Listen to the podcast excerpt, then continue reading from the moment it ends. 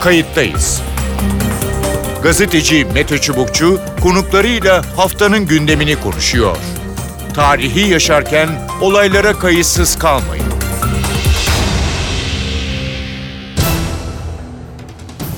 İyi günler bir kayıttayız programıyla daha karşınızdayız. Tarihe ışık tutmak ve olan biteni anlamak için önümüzdeki dakikalarda sizlerle birlikte olacağız. Ben Mete Çubukçu, editörümüz Sevan Kazancı.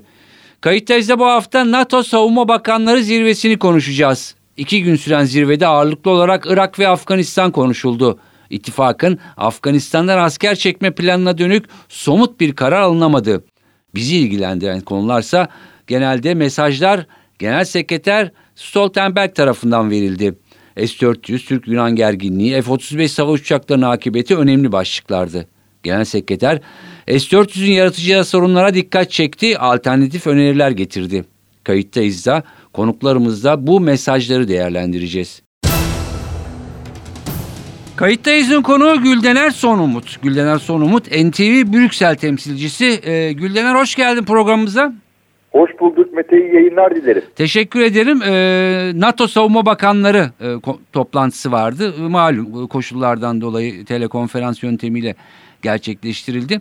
Genelde NATO'nun e, yeni stratejisi de e, ele alındı. Yani Biden dönemiyle e, birlikte.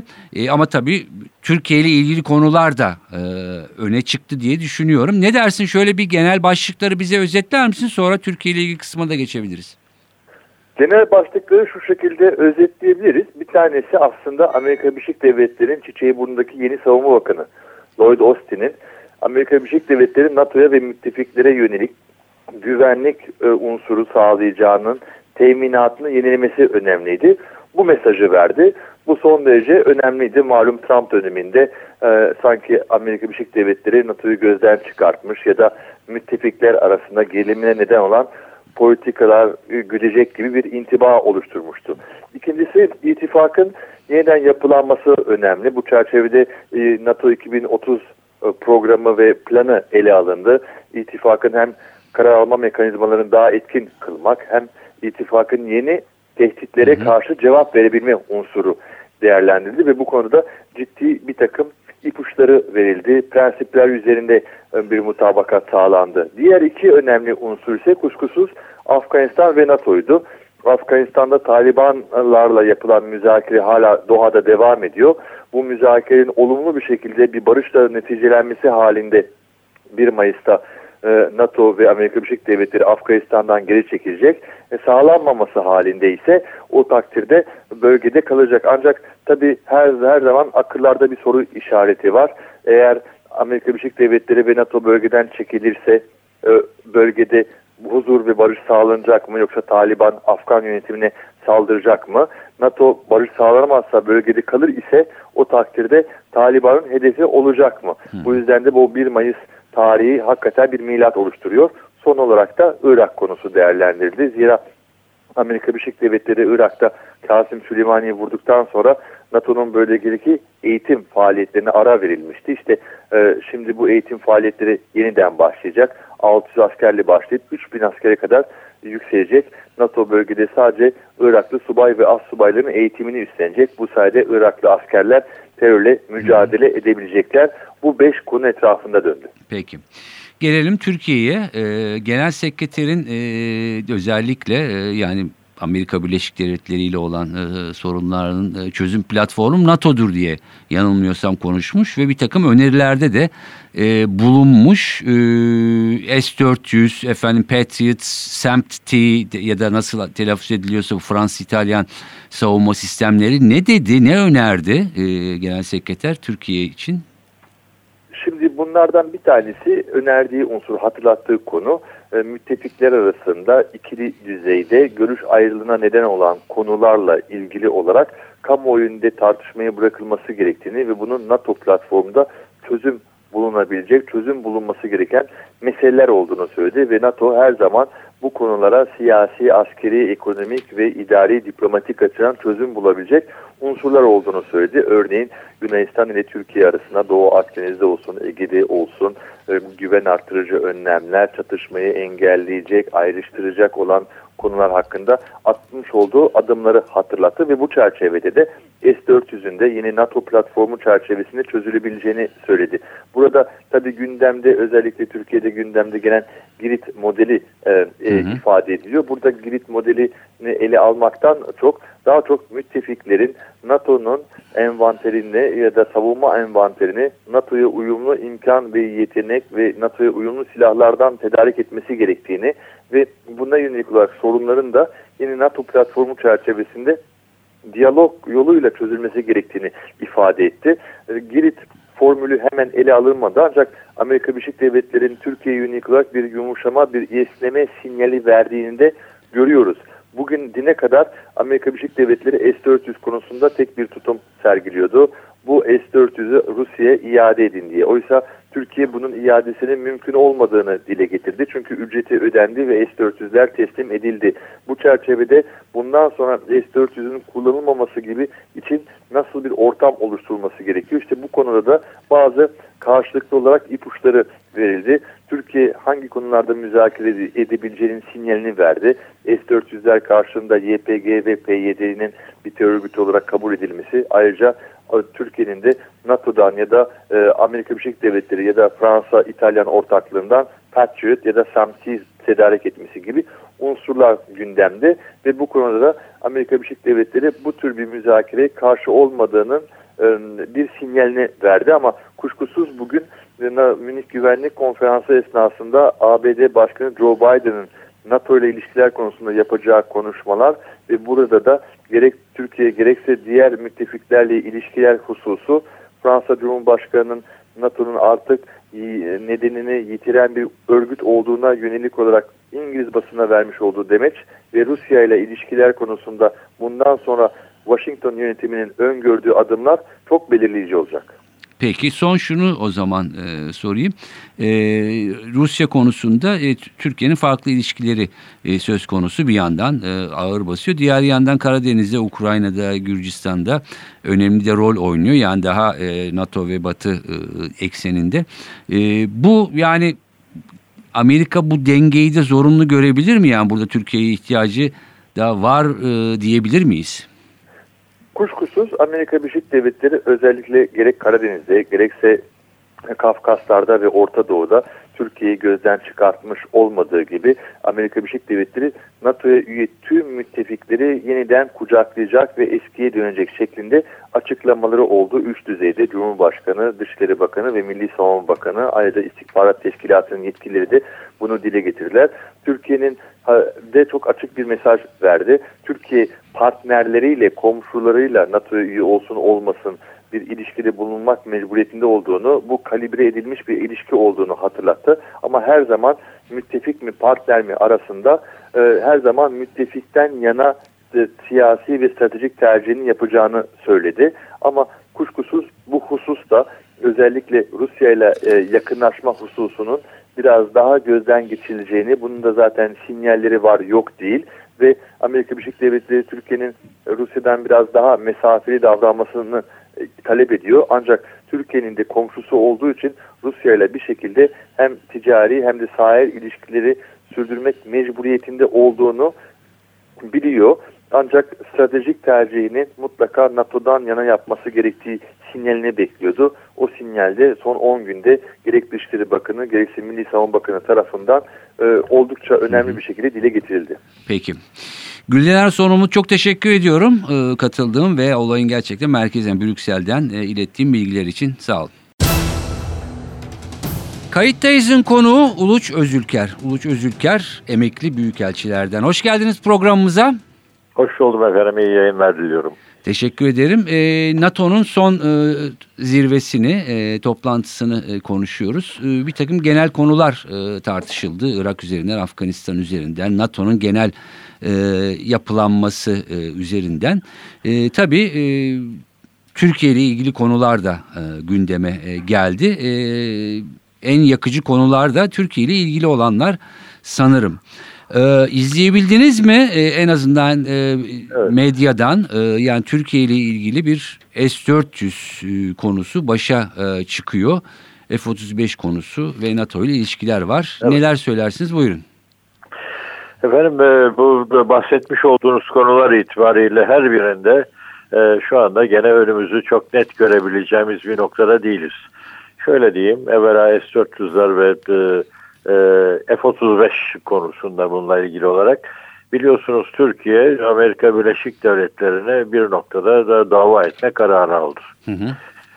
Başka bir ifadeyle Senato'nun herhangi bir hukuki dayanağı olmadan siyasete ön planda yer vermek suretiyle Türkiye'yi cezalandırmak amacıyla e, bu yaptırımları, katsa yaptırımları başta olmak üzere hep bunları gündemde tuttuğu ve burada hukuki açıdan herhangi bir e, hakkı olmadığı şeklinde bir hukuk firmasıyla orada senatoda çok e, güçlü olan bir hukuk firmasıyla anlaşma yoluna gidiyor. Hı hı.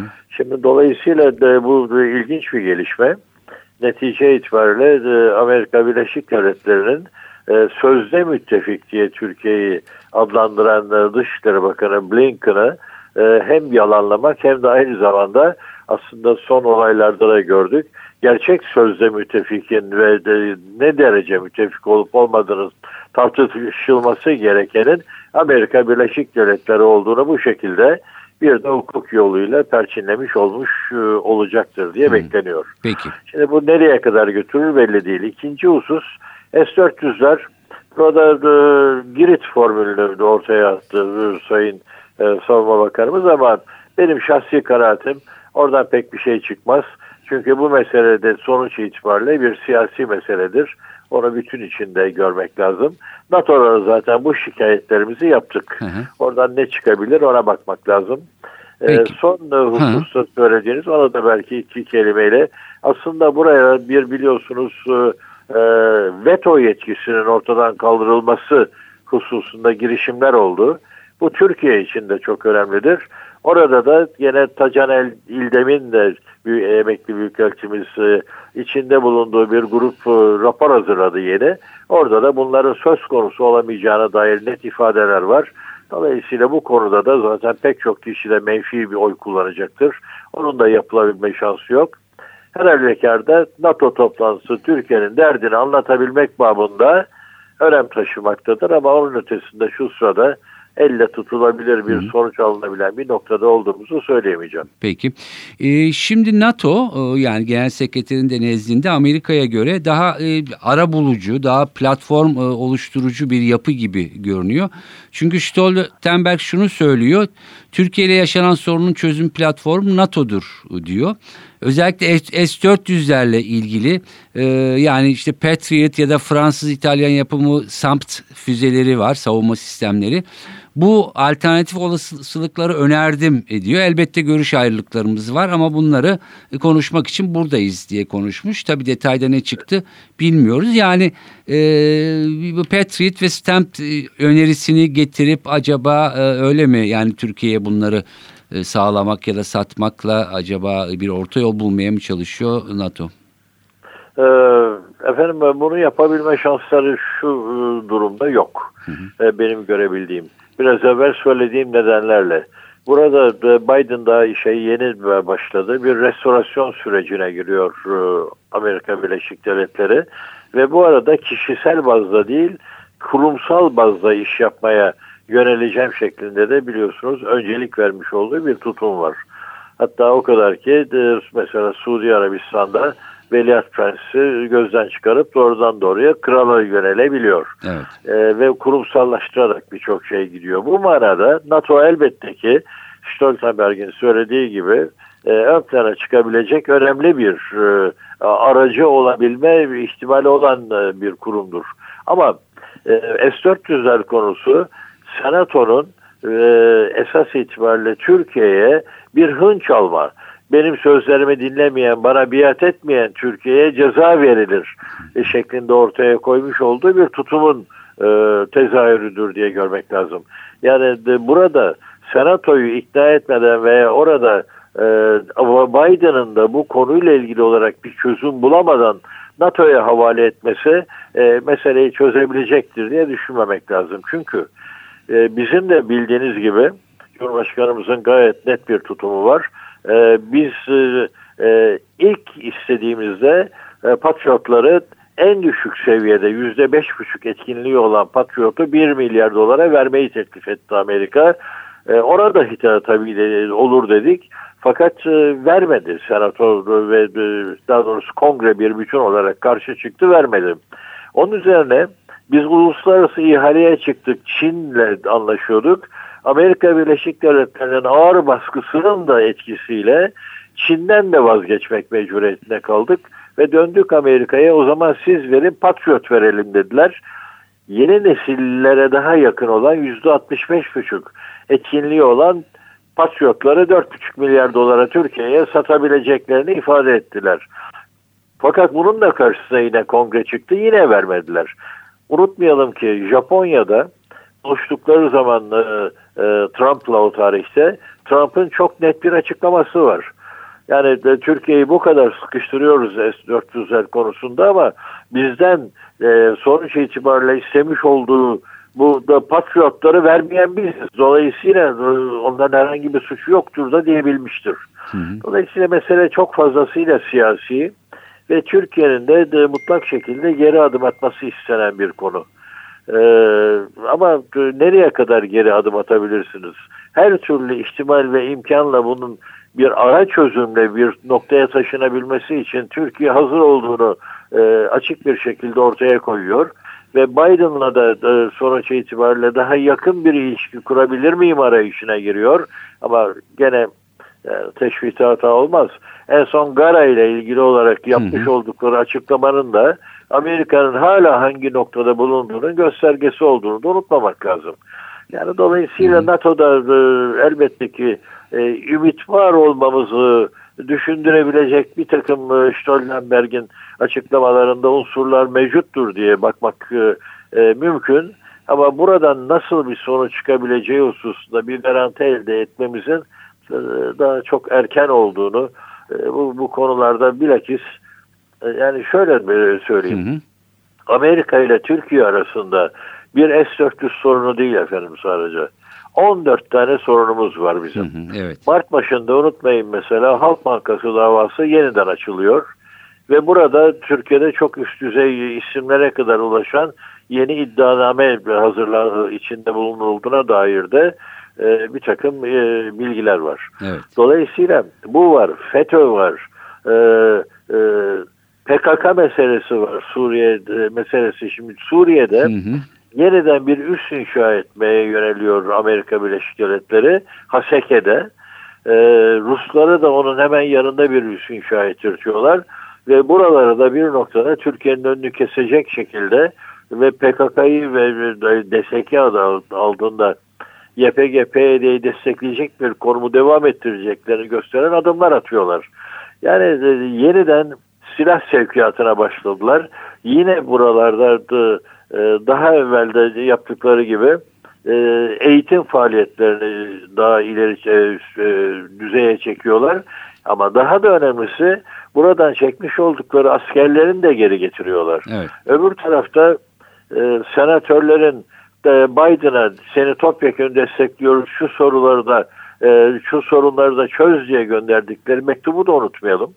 O mektuba baktığınız zaman da orada bizden istedikleri yani bazen e, gözleri mi karardı yoksa akıllarını mı kaybettiler diye düşünmeden edemiyorum. Hı hı. Ya bunu da bilerek söylüyorum. Düşünün ki Azerbaycan'a biz topyekun teşvik vermişiz ve Ermenistan'a saldırıp bu hale getirtmişiz. Bu iddiaya varıncaya kadar bütün dünyanın ne olduğunu çok net bildiği konularda bu mektupta da iddialar var. Yani bugüne kadar Amerika Birleşik Devletleri'nin dünyada Türkiye'den başka bütün bu unsurları içeren bir dava konusu yapabildiği e, bir, herhangi bir husus var mıdır? Lütfen eğer hatırlıyorsanız söyleyin ben de öğreneyim efendim. Türkiye'den başka hiç kimseye bu davranış içinde değiller. Ben de Amerika Birleşik Devletleri'ni e, doğrusu güvence içinde görmüyorum Türkiye yönünden. Peki. Ee, bakalım ne şekilde tecelli edecek, evet. nasıl gelişecek. Ee, bunu da hep beraber göreceğiz. Çok ederim. çok çok çok teşekkür ediyorum. Ee, anlaşılan o ki e, biraz daha gerginleşen bir süreçte karşı karşıya kalacağız. Sağ olun programımıza katıldığınız ve görüşleriniz efendim. için. 2021 Buyurun. yılında restorasyon tutumu içinde olduğu için Biden çok fazla bizi sıkıştırmaz tahmin etmiyorum. Yani Peki. vakti olmayacak. Daha önemli sorunları var.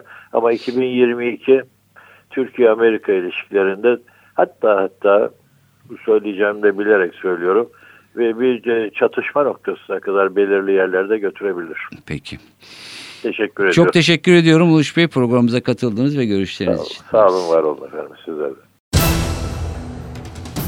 Kayıttayız'ın konuğu Doktor Filiz Katman. Filiz Katman İstanbul Aydın Üniversitesi öğretim üyelerinden. Hoş geldiniz programımıza. Hoş bulduk. Ee, malum NATO e, zirvesi oldu. Savunma Bakanlarının e, katıldığı. Ee, ve oradan genel tabii ki NATO'nun e, genel yapılanması ile ilgili e, birçok konu görüşüldü. Ama tabii Türkiye ile ilgili konularda e, öne çıktı. E, özellikle e, Türkiye'nin NATO ile ilişkisi, e, S-400'lerin ne olacağıyla ilgili e, genel sekreterin daha böyle bir orta yol bulma formülü gibi e, sözleri var. E, ne dersiniz? E, buyurun buradan başlayalım isterseniz. E, tabii öncelikle e, Türkiye'nin e, bölgedeki e, artan e, rolüne paralel olarak e, farklı e, ittifaklardaki e, rolü de e, biraz şekil değiştirmeye başladı diyebiliriz. Son dönemde özellikle gündeme gelen e, NATO içerisindeki Türkiye'nin varlığı e, sizin de ifade ettiğiniz S-400 meselesiyle bir e, kriz noktasına e, evrilmiş durumda. Ancak tabii dünyanın salgınla beraber e, değişen yüzü e, ittifakların ve bir arada hareket etmenin önemini bir kez daha arttırdı. Çünkü salgın gibi olaylar tek başına ülkelerin çözebileceği meseleler değil artık. Hı hı. Dolayısıyla tehdit algıları böyle dönüştüğü için e, bu tür meseleleri el, ele al, alabilmenin yolu da işbirliği olduğu için var olan krizleri e, çözmek adına yapıcı adımlar e, gözlemliyoruz. E, gerek son dönemde NATO Genel Sekreterinin e, şehitlerimizle ilgili yaptığı açıklama, e, gerekse e, bugünkü e, ifadeler e, bu yapıcı ilişki geliştirmenin e, adımları olarak değerlendirebilir. Çünkü iki taraf da birbirine Hı hı. e, bu anlamda e, ihtiyaç duyuyor diyebiliriz. Evet. Ee, Genel Sekreter şöyle söylüyor yani e, bu S-400 e, alımının yaratacağı sorunlar gerçi alındı artık Ee, ve daha çok çalışmanın avantajlarını e, anlattık e, diyor. E, Patriot ya da Fransız İtalyan yapımı SAMP-T füzeleri var. Bu bunlar alternatif olarak olabilir e, diyor. Elbette görüş ayrılıklarımız var e, ama bunları konuşmak için buradayız. E, yani NATO Türkiye ile Amerika arasında bir e, ara formül, e, bir ortak nokta e, mı bulmaya çalışıyor? Ne dersiniz? E, tabii e, Trump dönemiyle beraber özellikle transatlantik ilişkilerde ciddi yıpranmalar oluştu. E, ve e, taraflar arasında bir tür e, güvensizlik durumu da oluştu. E, buna ilaveten Rusya'nın son, son dönemde yayılmacı politikaları ve bölgede artan etkinliği özellikle Kırım ilhakı ile beraber e, bunun tehditkar bir vaziyet alması e, NATO e, gibi ittifakların e, kendi içinde bir e, öz eleştiri veya var olan zayıf yönlerini güçlendirme yönünde adım atmaları için bir uyarıydı aslında. E, son zirvede e, gerek e, bu Türkiye ile olan ilişkiler bağlamında Amerika ile e, olası problemler konusunda Stoltenberg'in e, aracı olma yönünde sizin ifade ettiğiniz yönündeki davranışı gerekse e, Irak'taki e, askeri misyona yönelik yapılan açıklamalar aslında iki tarafında birbirine ihtiyaç duyduğunu dolayısıyla bu ihtiyaçtan mütevellit olarak da Stoltenberg'in tabii kişiliğini de burada atlamamak gerekiyor. Yapıcı bir e, açıklama tarzı var Stoltenberg'in diğer e, genel sekreterlere e, derden farklı farklı olarak. Dolayısıyla böyle bir rol oyn oynamaya evet çalışıyor ama bir taraftan da zaten NATO içerisinde Trump dönemiyle başlayan e, çatlak, transatlantik ittifaktaki çatlağı yeni çatlaklar oluşmaması için biraz ön almaya çalışıyor da diyebilir. Çünkü bu tür ittifaklar bu dönemde daha da değerli diyebiliriz. Peki Ankara bu tür formüllere sıcak bakar mı? Ne dersiniz? Yani e, yani buradan anladığımız kadarıyla yani S-400'lerin bir şekilde hani e, çalıştırılmaması onun yerine Patriot ya da diğer Fransız İtalyan yapım füzelerin e, alınması e, gibi e, alternatifleri Ankara e, nasıl karşılar? E, resmi yapılan açıklamalar gerek e, Savunma Bakanı Sayın Hulusi Akar'ın açıklaması gerekse e, Cumhurbaşkanlığı nezdinde yapılan açıklamalar, Dışişleri Bakanlığı nezdinde yapılan açıklamalar diyalog kanallarının açık tutulması yönünde Türkiye'nin de e, yapıcı olacağı yönünde açıklamalardı. Hatırla, hatırlayacak olursak bir Girit modelini önermişti Sayın Bakan Hulusi Akar. E, dolayısıyla bu tür e, müzakereye açık ama tabii Türkiye'nin e, savunduğu temel tez e, Türkiye kendi ulusal güvenliğini sağlamak için öncelikle batılı müttefiklerinden destek aradı ama gerekli cevabı göremediği için alternatifleri değerlendirmek durumunda kaldı. Hatırlayacak olursak Trump da kendi iktidarında e, burada öz eleştiri yapmıştı. Batı İttifakı'nın bir e, subu olarak Amerika Birleşik Devletleri adına bir öz eleştiri yapmıştı. Dolayısıyla Türkiye kapıları kapatan bir e, tutum bugüne kadar izlemedi. Bundan sonra da gerek e, Türkiye'nin Avrupa Birliği ilişkileri nezdinde gerekse e, Türkiye'nin genel anlamda NATO'ya bakışı nezdinde yapıcı davranışı devam edecektir. Tabii biraz daha girift bir sorun e, bu füze meselesi. Hı hı. E, belki biraz daha sorunlu olabilir süreç ama Türkiye yapıcı olacağı yönünde resmi açıklamaları da beyanları var. Peki. Ee, şimdi NATO tabii ki yani burada daha ara bulucu olmaya çalışıyor. Ee, şunu sorayım son soru olarak da. Ee, Biden yönetimi e, buna nasıl e, tepki verecek? Yani onlar e, buna bir şekilde e, razı mı? E, henüz daha bir mesafeli e, gibi duruyor sanki Biden yönetimi Ankara'ya. E, orada tabii ki Amerika Birleşik Devletleri'nin dış politikasında Trump dönemiyle beraber değişen modelin eskiye döndürülmesi söz konusu. Neydi bu değişen model? Dışişleri Bakanlığı'nın rolü azaltılıp e, Beyaz Saray'ın rolü güçlendirilmişti. Şimdi bunu e, bir e, restorasyon diye ifade ediyor Biden kampanya döneminde. Yani eskiye dönüş istiyor, Obama dönemine dönüş istiyor. Burada şöyle bir avantaj söz konusu. Trump döneminde de krizler olduğu zaman Dışişleri Bakanlığı her seferinde Amerika'da e, başkanlığı uyararak Türkiye'nin stratejik önemine vurgu yapan açıklamalar yapmıştı.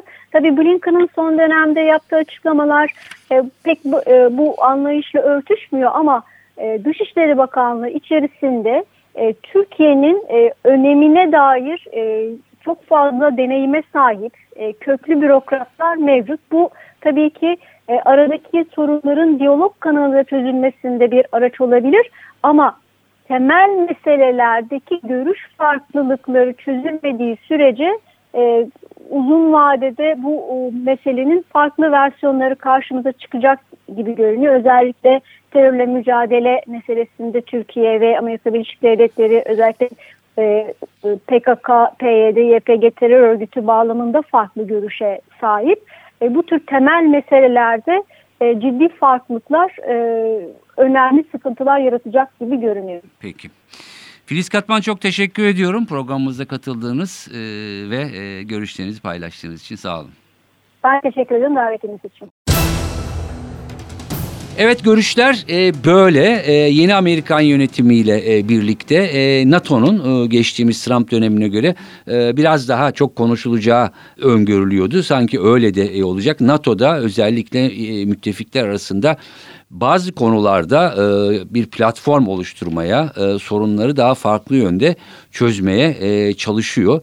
Bu zirvede de bunu gördük ama tabii ki yani kesin e, bir çözüm şu anda e, yok ulaşılmış değil. E, belli ki önümüzdeki dönemde özellikle Türkiye ile ilgili konular hem NATO platformlarında hem Amerika nezdinde hem de Ankara'da çok tartışmalara gebe gibi görünüyor. Ben Mete Çubukçu editörüm Sevan Kazancı. Bu haftalık bu kadar. Haftaya farklı bir konuda tekrar görüşmek üzere. Hoşçakalın. Kayıttayız. Gazeteci Mete Çubukçu konuklarıyla haftanın gündemini konuşuyor. Tarihi yaşarken olaylara kayıtsız kalmayın.